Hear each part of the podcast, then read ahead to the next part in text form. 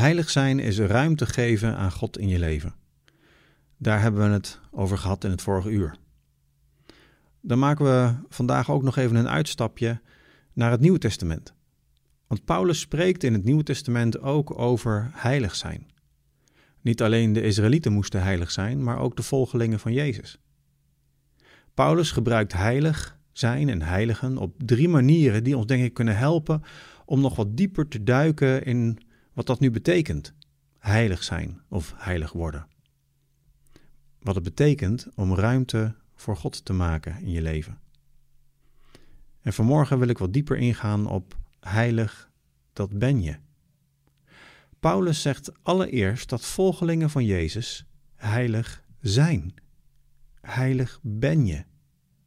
Hij spreekt de gelovigen in diverse kerken ook bijna altijd aan met de titel Heilige. In 1 Korinthe 1, vers 2: Aan de gemeente van God, geheiligd in Christus Jezus. Aan de gemeenteleden die allemaal geroepen zijn om Zijn heilige te zijn. Wauw. En dan denk je, wat een superclub, die Corinthiërs.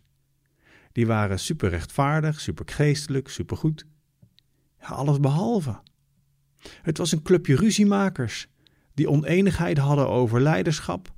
Het was een kerk waar heftige seksuele zonden gebeurden, waar behoorlijk wat scheef zat in de erediensten, waar machtsmisbruik was van de rijken.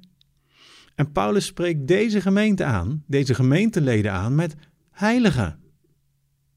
Nu, dat komt omdat Paulus mooi beschrijft dat we door de Heer Jezus rechtvaardig en heilig zijn gemaakt.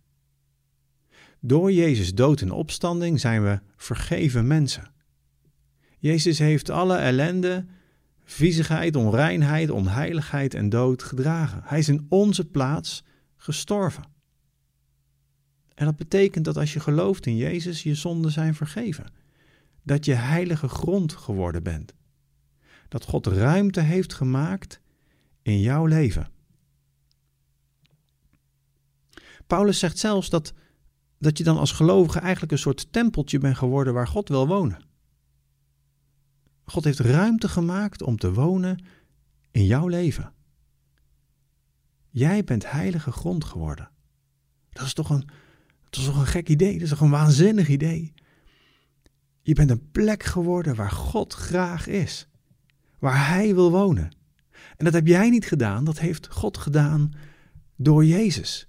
Je bent dus heilig. Ervaar jij dat je heilig bent door je geloof in Jezus?